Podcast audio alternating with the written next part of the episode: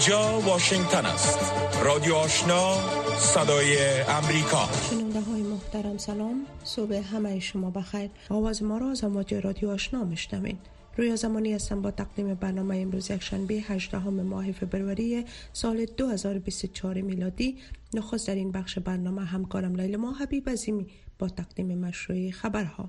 سلام و صبح بخیر. مشروع خبرها. وزارت خارجه حکومت طالبان تلویحا گفته است که در نشست دوها اشتراک نمی کنند. در بیانیه این وزارت آمده است که حکومت طالبان به سازمان ملل متحد واضح ساخته است که اگر به عنوان یگانه طرف مسئول در نشست پیشرو در دوها اشتراک کند زمینه مذاکرات روشن روی تمامی مسائل به سطح بلند میان هیئت افغان و سازمان ملل متحد فراهم شود. اشتراک طالبان ثمر بخش خواهد بود. اما بر اساس اعلامیه بنابر عدم پیشرفت در این حکومت طالبان اشتراک بی نتیجه در این نشست را موثر ندانسته است. پیش از این نیز امیرخان متقی سرپرست وزارت خارجه حکومت طالبان در دیدار با فریدون سینیرلی اوغلو فرستاده سازمان ملل متحد و برخی دیگر از دیپلمات ها نقطه نظرات حکومت طالبان را در رابطه با اشتراک در نشست دوحه ابراز کرده بود. نشست دو روزه در دوحه به میزبانی انتونیو گوترش سرمنشی سازمان ملل متحد در مورد افغانستان امروز یکشنبه آغاز شد. سازمان عفو بین الملل گفته است که نشست دوحه در مورد افغانستان فرصت قابل ملاحظه است برای اقدام واحد و هماهنگ تا حقوق تمامی مردم افغانستان به ویژه حقوق زنان و دختران این کشور حفظ شود. در بیانیه‌ای که ناوقت روز گذشته از این سازمان منتشر شد به نقل از دیپروز موچینا مدیر ارشد سازمان عفو بین الملل آمده است که به فرهنگ معافیت باید فورا رسیدگی شود وی طالبان را به نقض گسترده حقوق بشر متهم کرده است. حکومت طالبان پیش از این ادعاهای نقض حقوق بشر را بی اساس خوانده است. نشست دو روزه در دوحه به میزبانی انتونیو گوترش سرمنشی سازمان ملل متحد در مورد افغانستان امروز یکشنبه آغاز گردید. نماینده ویژه ایالات متحده در امور دختران زنان و حقوق بشر افغانستان می‌گوید که با آمنه محمد معاون منشی عمومی سازمان ملل متحد دیدار کرده و با او در مورد حمایت از حقوق دختران و زنان افغان گفتگوی مفید داشته است. رینا امیری در صفحه اکس خود نوشته است که آنها موافق هستند که سیاست های خشن علیه زنان افغانستان تهدید برای حقوق زنان در منطقه و جهان است. هند می‌گوید که از قاچاق مواد مخدر و فعالیت گروه های تروریستی در افغانستان نگران است. با گزارش رسانه های هندی وکرام مصری معاون مشاور امنیت ملی هند 16 ماه فوریه در نشست مقام های شورا و مشاوران امنیت ملی در بشکک پایتخت قرقیزستان گفت که به خاطر قاچاق مواد مخدر و حضور گروه های تروریستی در افغانستان نگران ناامنی ناشی از آن است در این مکانیزم منطقه‌ای مقامات امنیت ملی هند، ایران، روسیه، چین، پاکستان، قرقیزستان، قزاقستان، ازبکستان و ترکمنستان عضویت دارند. بر اساس گزارش هندوستان تایمز، آقای مصری به طور مشخص از گروه های تروریستی مانند لشکر طیبه و جیش محمد که به گفته وی در خاک افغانستان فعالیت می کنند یاد کرده است. این دو گروه متهم به فعالیت مسلحانه علیه نیروهای هندی در کشمیرند اما حکومت طالبان همواره تاکید می کند که هیچ گروه تروریستی خارجی در افغانستان فعال نیست. کانی ویگناراجا معاون سرمنشی سازمان ملل متحد به هدف گفتگو در مورد پروژه های مربوط به زنان افغان وارد افغانستان شده است. و همچنین رئیس دفتر منطقه‌ای آسیا پاسیفیک در اداره انکشافی سازمان ملل متحد UNDP است. این اداره سازمان ملل متحد بر روز جمعه 16 فوریه در شبکه اجتماعی اکس خود نوشته است که خانم ویگناراجا در گفتگوها پیرامون زندگی و معیشت زنان توانمندسازی و فراهم آوری خدمات اساسی به آنها به شمول مشارکتشان در جامعه شرکت خواهد کرد. در ادامه آمده است که این مقام ارشد سازمان ملل متحد با شرکای توسعی و نمایندگان بخش خصوصی نیز دیدارهای خواهد داشت. زنان در افغانستان در اضافه از دو سال حاکمیت طالبان از حقوق اولیه خود محروم بودند مقام های زن در سازمان ملل متحد بارها برای ابراز همدردی و حمایت از زنان افغان به افغانستان سفر کردند مشروع خبرهای منطقه و جهان را از رادیو آشنا صدای امریکا دنبال می کنید. یک مقام ارشد پاکستان اعتراف کرده است که او به تقلب در انتخابات کشورش کمک نموده است. یک مقام ارشد پاکستان دیروز شنبه هفته ماه فوریه اعتراف کرد که او به تقلب در انتخابات کشورش کمک نموده انتخاباتی که با اتهامات تقلب همراه بود و هیچ حزب برنده اکثریت کرسی ها در پارلمان نشده است. لیاقت علی چتا کمیشنر راولپندی جایی که ستاد اردوی قدرتمند این کشور در آن موقعیت دارد گفت که خود را به پلیس تسلیم خواهد کرد. پس از آنکه مقامات پاکستان شبکه تلفن های موبایل را روز انتخابات قطع کردند و روند شمارش آرا برای بیش از 24 ساعت طول کشید اتهامات گسترده مبنی بر تقلب انتخاباتی مطرح شد. حزب مسلم لیگ نواز که از حمایت اردوی پاکستان برخوردار است نتوانست اکثریت کرسی های پارلمان را به دست دارد این حزب اعلام کرده است که با حزب مردم پاکستان و شماره از احزاب کوچک حکومت آینده را تشکیل می دهد چتا گفته است که قبل از اینکه از سمتش کنار رود او شخصا روند تقلب آرا را در راولپندی نظارت کرد. او به خبرنگاران گفته است که ما بازنده ها را به برنده ها تبدیل کردیم. وی همچنین گفت که هفتاد هزار رای برای 13 کرسی پارلمان زیر پا گذاشته شد. چتا افسود به خاطر ارتکاب چنین جنایت شنی خود را به پلیس تسلیم می کند او همچنین رئیس کمیسیون انتخابات و قاضی عالی پاکستان را متهم کرد. کمیسیون انتخابات پاکستان با نشر اعلامیه اتهامات چتا را رد کرده اما گفته است که این موضوع را بررسی می کند ادامه تفصیل خبرهای جهان از رادیو آشنا صدای امریکا.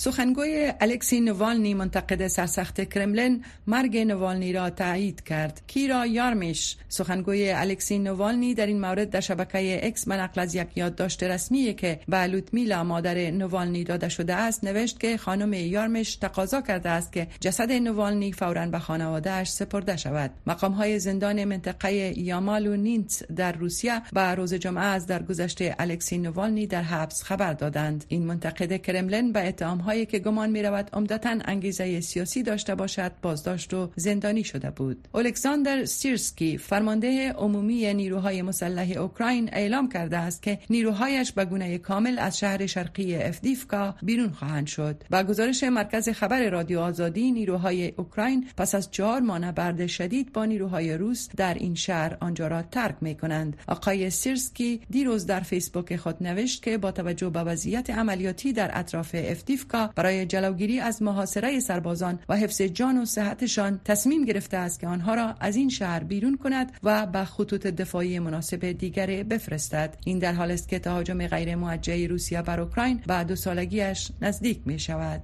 حراس و تشویش در میان افراد گیرمانده در شفاخانه ناصر یکی از تأسیسات صحی عمده غزه در هفته فوریه پس از آن افزایش یافت که نیروهای اسرائیل بر آن هجوم بردند. با گزارش خبرگزاری فرانس پرس وزارت صحت غزه تحت کنترل گروه جنگجوی حماس می‌گوید که شماری از مریضان در این شفاخانه در منطقه خانیونوس به دلیل کمبود اکسیژن جان خود را از دست دادند گروه حماس از سوی ایالات متحده و اتحادیه اروپا سازمان تروریستی قلمداد شده است. این وزارت اواخر دیروز گفته است که دست کم 120 مریض و 5 تیم صحی در این شفاخانه گیر ماندند و به آب غذا و برق دسترسی ندارند درگیری ها در اطراف شفاخانه ناصر در روزهای اخیر شدت یافته است. ولودیمیر زلنسکی رئیس جمهور اوکراین دیروز در کنفرانس امنیتی منشن سخنرانی کرد. او در حال افزایش تلاشهایش برای به دست آوردن حمایت نظامی سیاسی و اقتصادی بیشتر جهان از اوکراین است تا در برابر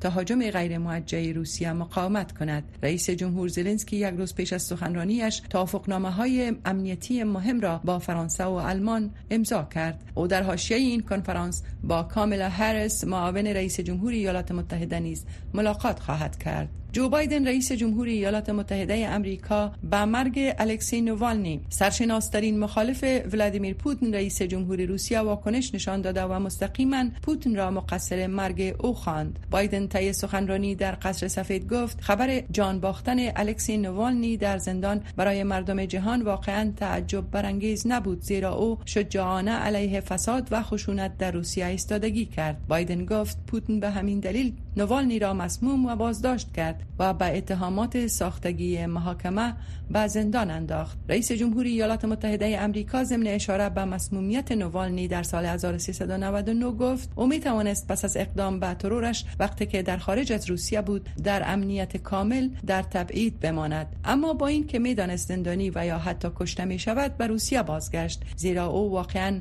و عمیقا به کشورش باور داشت. بایدن با بیان این که روسیه روایت ساختگی خودش را به عنوان دلیل برای جان باختن نوالنی منتشر می کند تاکید کرد که اشتباه نکنید پوتین مسئول جان باختن نوالنی است رئیس جمهوری امریکا ضمن اعلام همدردی با خانواده نوالنی و همکارانش تاکید ورزید که ایالات متحده در مقابل تلاش های پوتین برای سرکوب مخالفان در کنار آنها می ایستد پایان مشروع خبرهای افغانستان جهان تا این ساعت از رادیو آشنا صدای امریکا شنونده های محترم شما مشروع خبرها را شنیدید و تشکر از اینکه به برنامه های رادیو آشنا صدای امریکا گوش می دهید.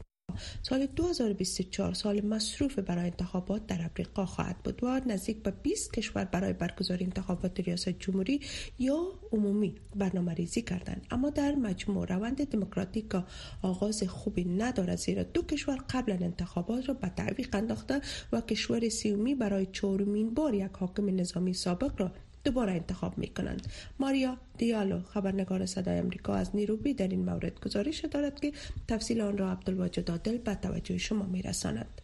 کشور جزیره کوچک کوموروس اولین کشور افریقایی بود که میزبان انتخابات ریاست جمهوری در سال 2024 بود و در آن علی عثمانی رئیس جمهور فعلی یک افسر سابق نظامی که برای اولین بار در سال 1999 با کودتا به قدرت رسید برای چهارمین دوره پیروز شد نتایج انتخابات بلافاصله توسط مخالفان رد شد و آنها اعتراضات خشونت آمیزی را بران انداختند که منجر به کشته شدن یک تن و مجروح شدن 25 تن دیگر شد.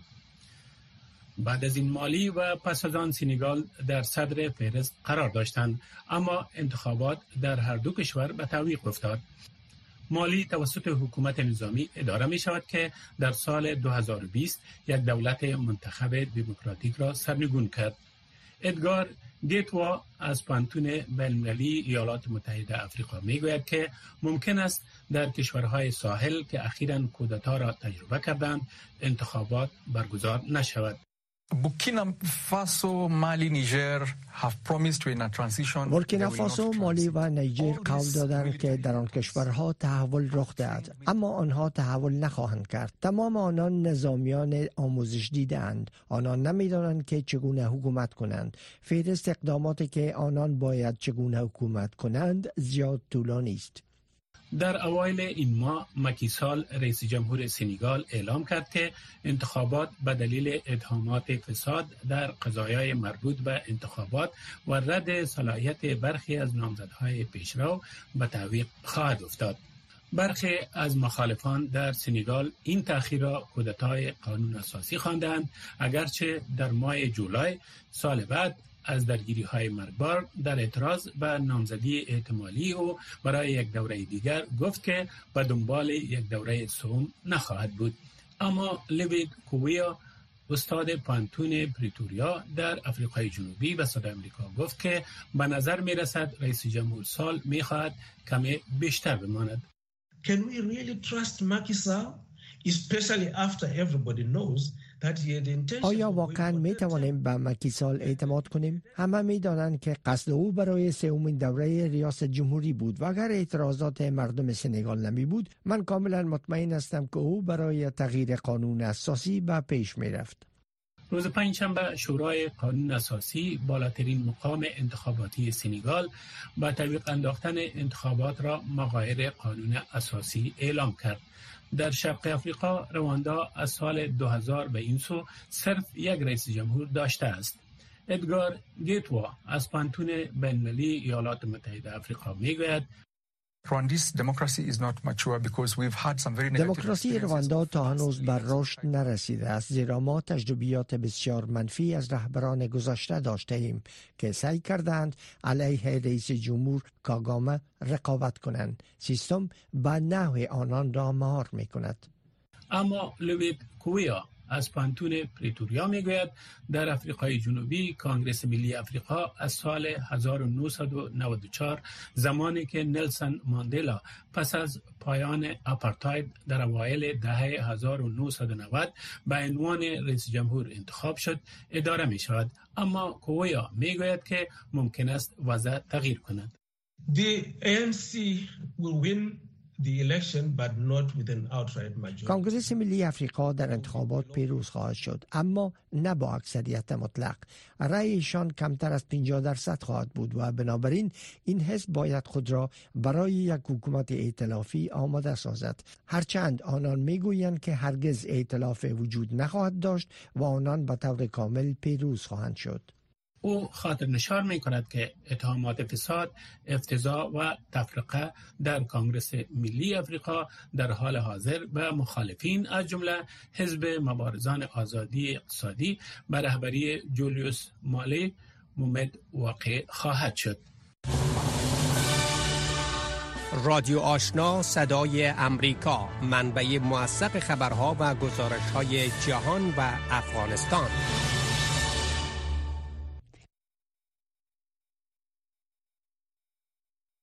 شنونده های محترم مواز ما را از برنامه های صبحگاهی رادیو آشنا مشنوین ایالات متحده امریکا مسکو را مسئول مرگ الکسی نوالنی مخالف سیاسی روسیه در یک زندان دور در روسیه می داند نوالنی به برخی اتهامات از جمله افرادگرایی در حال سپری نمودن یک دوره حبس طولانی بود که بیشتر به عنوان مجازات برای سالها انتقاد از ولادیمیر پوتین رئیس جمهوری روسیه تلقی می شد خبرنگار صدای امریکا در این مورد گزارش دارد که برگردان دریان را از فرخنده پیمانی مشنوید. این آخرین حضور الکسی ناوالنی در محکمه از طریق تماس تصویری روز پنجشنبه 15 فوریه قبل از مرگش به روز جمعه در یک زندان دور افتاده در قطب شمال روسیه بود. آنچه بر سر نوالنی آمده است گواهی بیشتری بر ظلم و بیرحمی پوتین است هیچ کسی نباید فریب بخورد نه در روسیه نه در کشور و نه در هیچ جایی از جهان پوتین تنها شهروندان کشورهای دیگر را هدف قرار نمی دهد بلکه همانطور که ما شاهد بودیم آنچه در حال حاضر در اوکراین می گذرد او جنایات وحشتناکی را علیه مردم خود نیز انجام می دهد از کنفرانس امنیتی مونیخ کاملا هرس معاون رئیس جمهور امریکا نیز خبر مرگ وی را محکوم کرد. هر داستان را که آنها در مورد مرگ آن می‌گویند بگذارید واضح بگویم روسیه مسئول است. دیگر رهبران غربی مانند ولادیمیر زلنسکی رئیس جمهور اوکراین نیز به این محکومیت یکجا شدند. واضح است که او توسط پوتین کشته شده است. مانند هزاران نفر دیگر که همه به خاطر همین شخص شکنجه شدند. پوتین برای حفظ قدرت و موقعیت خود اهمیتی برای مرگ کسی نمی‌دهد. نوالنی 47 ساله که از منتقدان سرسخت ولادیمیر پوتین رئیس جمهور روسیه و فساد در داخل دولت روسیه بود در حال گذراندن حکم سی ساله زندان بود اما بالاخره در همانجا درگذشت. همین رژیم و هم ولادیمیر پوتین باید شخصا مسئول تمام جنایات را که در کشور ما در طول سالها مرتکب شدهاند قرار گیرند. در سال 2020 ناوالنی با یک نوع گاز عصبی مسموم ساخته شد که پوتین را مقصر آن قرار داد.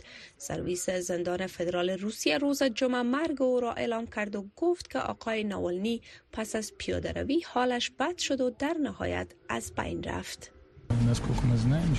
بر اساس قوانین فعلی سازمان تحضیرات فدرال در حال انجام معاینات و شفافیت مرگ او است در همین حال جو بایدن رئیس جمهور امریکا می‌گوید که در جریان نشست ماه جون 2021 ژنو با پوتین هشدار داده بود که اگر ناوالنی از بین برود عواقب آن برای روسیه ویرانگر خواهد بود. ما با بسیاری از کشورهای دیگر که نگران مرگ الکسی نوالنی هستند صحبت خواهیم کرد و خصوص اگر گزارش ها درست باشد. اما تحلیلگران شک دارند که کشورها کاری فراتر از محکوم کردن اقدامات پوتین انجام دهند. من به طور کلی فکر نمی کنم که کشورهای خارجی حتی کشوری قدرتمند و بزرگ به مانند ایالات متحده نقش مهمی در سیاست داخلی روسیه داشته باشد. این در حالی است که نوالنی در یک جلسه استماعی در اوایل ماه جاری با کارکنان زندان گفته بود که بر علیه ولادیمیر پوتین رای دهند. شما باید به هر نامزد دیگری رای دهید. فهرستی از افرادی که با آنها در ارتباط هستم و وظیفه اجتماعی هر یک از آنها را دارم. آنها را برای شما معرفی می کنم منتقدان می‌گویند قصر کرملین آمادگی یک پیروزی دیگر را در انتخابات ماه مارچ روسیه می‌گیرد.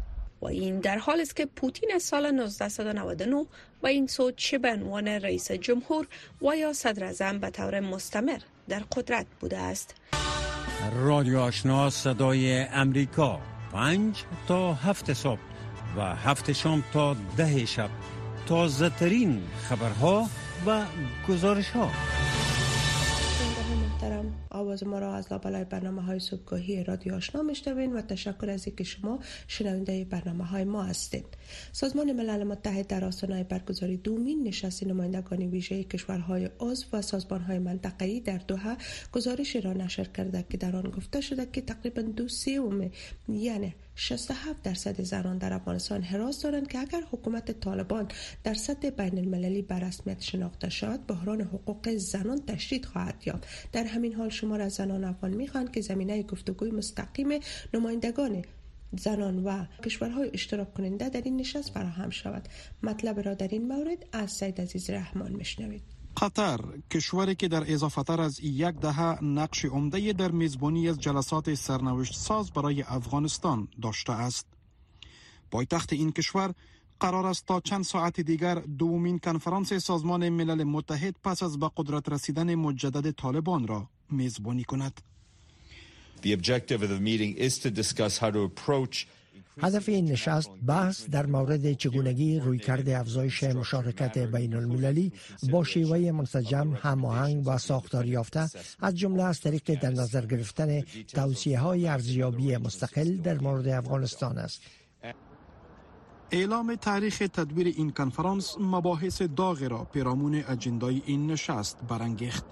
Um, I would suspect there will be discussions about گمان می کنم که بحث های در مورد امکان یک حکومت فراگیر صورت خواهد گرفت ولی نمی‌دانم که تا چه حد به پیش خواهد رفت. فکر می کنم بحث ها در مورد وضعیت بشری وضعیت اقتصادی که بسیار نامطمئن است صورت خواهد گرفت و ممکن برخی از اشتراک کنندگان نگرانی ها را در مورد تروریسم نیز مطرح کنند. در نشست امسال علاوه بر نمایندگان برخی از کشورها و سازمان های جهانی نمایندگان حکومت طالبان و اعضای جامعه مدنی افغانستان به شمول زنان نیز دعوت شده اند. حکومت طالبان گفته است تنها در صورتی که شرایط آنان پذیرفته شود در این کنفرانس شرکت خواهد کرد. امیرخان متقی سرپرست وزارت خارجه حکومت طالبان شرایط خود برای اشتراک در کنفرانس دوحه را هفته گذشته در دیدار با سفیر روسیه در کابل اعلام کرد. متقي صاحب وویل که د دوحې په ناسته کې د اسلامي امارت او د ملګرو ملتونو ترمنځ په لوړه کچه د ټولو مسایلو په تړاو د معنادار سلا مشورو فرصت برابرېږي او اسلامي امارت وکولای شي چې د افغانستان د استازیتوب مسئولیت په ښه ډول ترسره کړي یو ښه فرصت دی خبرگزاری تاس روسیه گزارش داده است که اصلی ترین شرط طالبان این است که به نمایندگان آنان فرصت داده شود تا بحث های مستقیم و اساسی با ملل متحد داشته باشند. طالبان از صحنه بین المللی و هر وسیله که توسط آن می توانند مشروعیت جهانی را کسب کنند و دور ماندند. ملاقات های بلند پایه چه با منچه عمومی ملل متحد باشد و یا با دیگر سازمان ها و یا هم برقراری روابط جانبه با قدرت های قابل ملاحظه محور اصلی سیاست خارجی طالبان است. ولی این تاریخدان امریکایی می‌گوید که او انتظار تغییر عملکرد جامعه جهانی در قبال افغانستان را ندارد. یک دلیل آن این است که حواس جامعه جهانی به دلیل اتفاقات دیگری که عمدهترین آن جنگ در غزه و جنگ در اوکراین است پریشان است. افغانستان کم از کم پس از خروج ایالات متحده از آن کشور برای قدرت های غربی اولویت نسبتا پایین داشته است. هیچ چنین چیزی که بتواند محاسبات را تغییر دهد وجود ندارد. به خصوص تهدید تروریستی از آن گوشه بروز نکرده است. در حالی که محرومیت زنان و دختران افغان از حق تعلیم و کار در افغانستان یکی از نگرانی های عمده جامعه جهانی پنداشته می شود سخنگوی منشی عمومی ملل متحد شنیدن صدای زنان افغان در نشست دوحه را مهم خوانده است. سید عزیز رحمان صدای امریکا واشنگتن. رادیو آشنا صدای امریکا. پنج تا هفت صبح و هفت شام تا ده شب.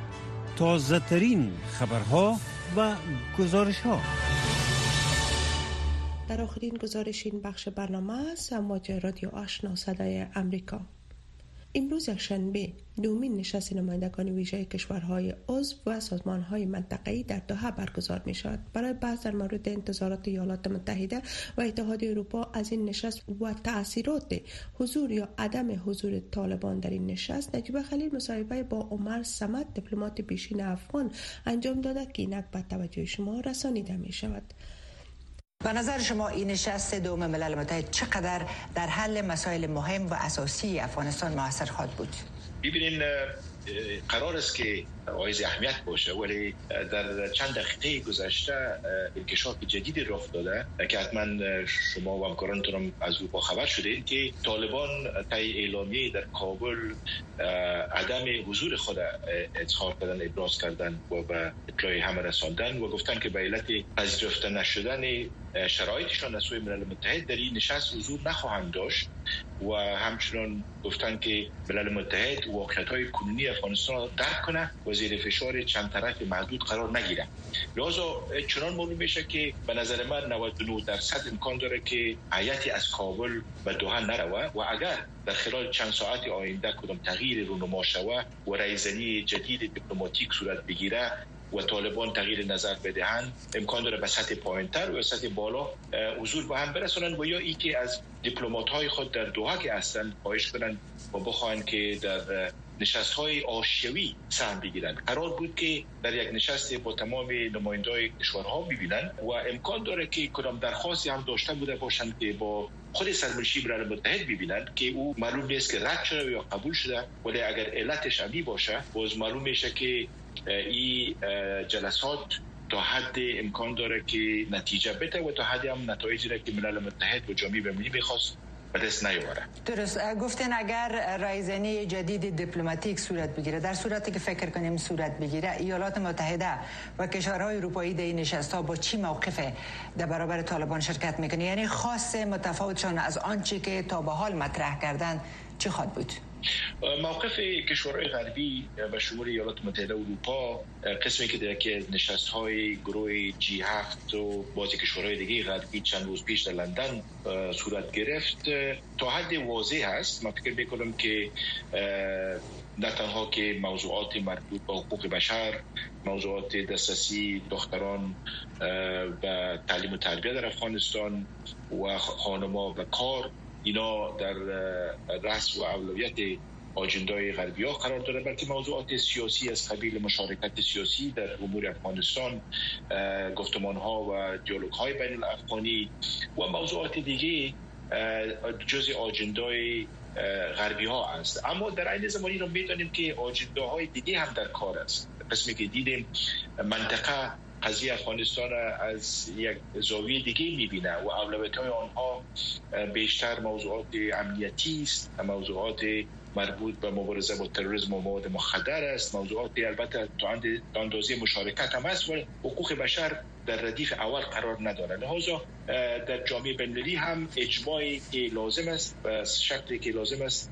هنوز ایجاد نشده و قرار بود که در دوحه اجماع بندگی در ارتباط با افغانستان قوی تر شود. باید تصاویر مهمی در ارتباط با قطعنامه 27 21 گرفته شود. و یک فرستاده خاصی جدید تعیین شود تا یک نقشه راه جدید برای افغانستان برای بیاندازد بله از امنیت گفتن البته طالب همواره گفته که امنیت در افغانستان از زمانی که اینا روی قدرت آمدن برقرار شده.